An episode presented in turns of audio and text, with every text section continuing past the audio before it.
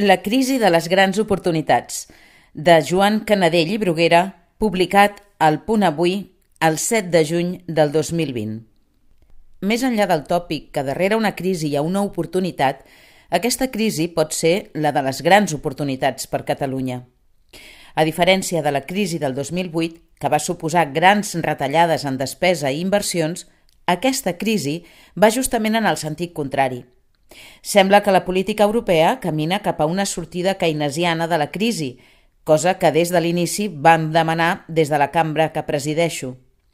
A la vegada, sembla que la Unió Europea ha après del passat i focalitzarà una gran part de les aportacions econòmiques a fer una transformació de model cap a una economia més verda, sostenible, socialment responsable, digital i tecnològica.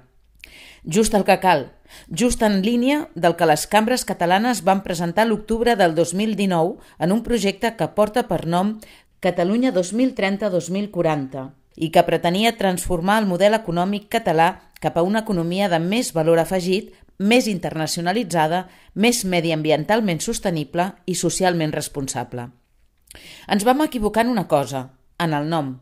2040 queda ara molt lluny i fins i tot el 2030 i cal accelerar gran part d'aquesta transformació a l'horitzó 2025-2030 aprofitant que Europa posarà una gran suma de diners – ja s'han anunciat 750.000 milions d'euros, més altres injeccions importants en forma de compra de deute públic.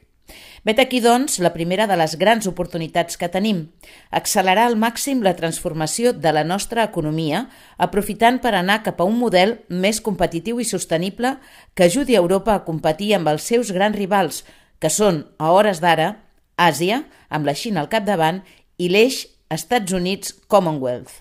Una altra oportunitat és la reindustrialització. Quan Europa es planteja més industrialització, qui en pot sortir beneficiat?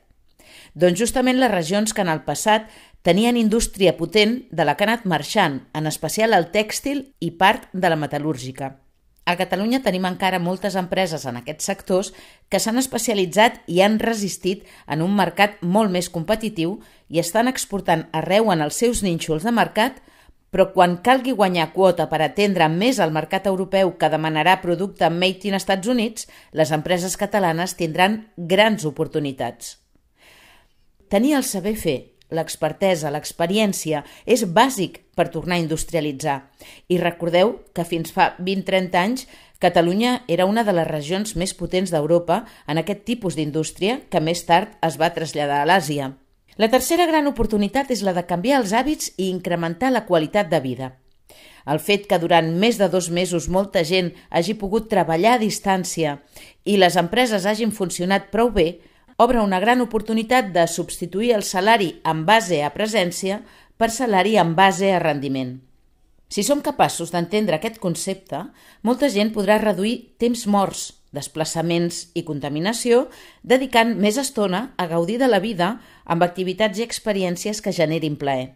Només que un 30% dels treballadors alliberés 3 hores a la setmana implicaria més de 5 milions d'hores setmanals que es podrien dedicar a activitats culturals, esports, a allargar el cap de setmana, a consumir experiències. En definitiva, a generar una nova economia de més valor afegit i quilòmetre zero i aspirar a més benestar i felicitat. La darrera oportunitat que vull mencionar és la d'un canvi en l'àmbit polític. Crec que tots som conscients que el sistema polític ha col·lapsat. S'ha mostrat clarament inútil per preveure la propagació de la pandèmia quan tots veiem encuriosits des d'Europa el que passava a la Xina i els nostres líders no van saber actuar a temps. El sistema polític espanyol, a més, ha demostrat que ha sigut el més ineficient, ja que a hores d'ara encara som el país amb més morts per milió d'habitants com diu el Financial Times del 28 de maig.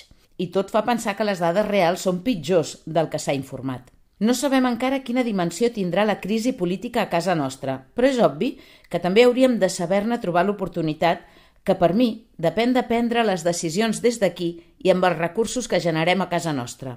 Amb aquests quatre exemples d'oportunitat vull il·lustrar que més enllà de la situació traumàtica i dramàtica en alguns casos, si sabem aprofitar aquesta crisi per fer un canvi de model econòmic, social i polític a mitjà termini, podríem dir que va ser la crisi de les grans oportunitats.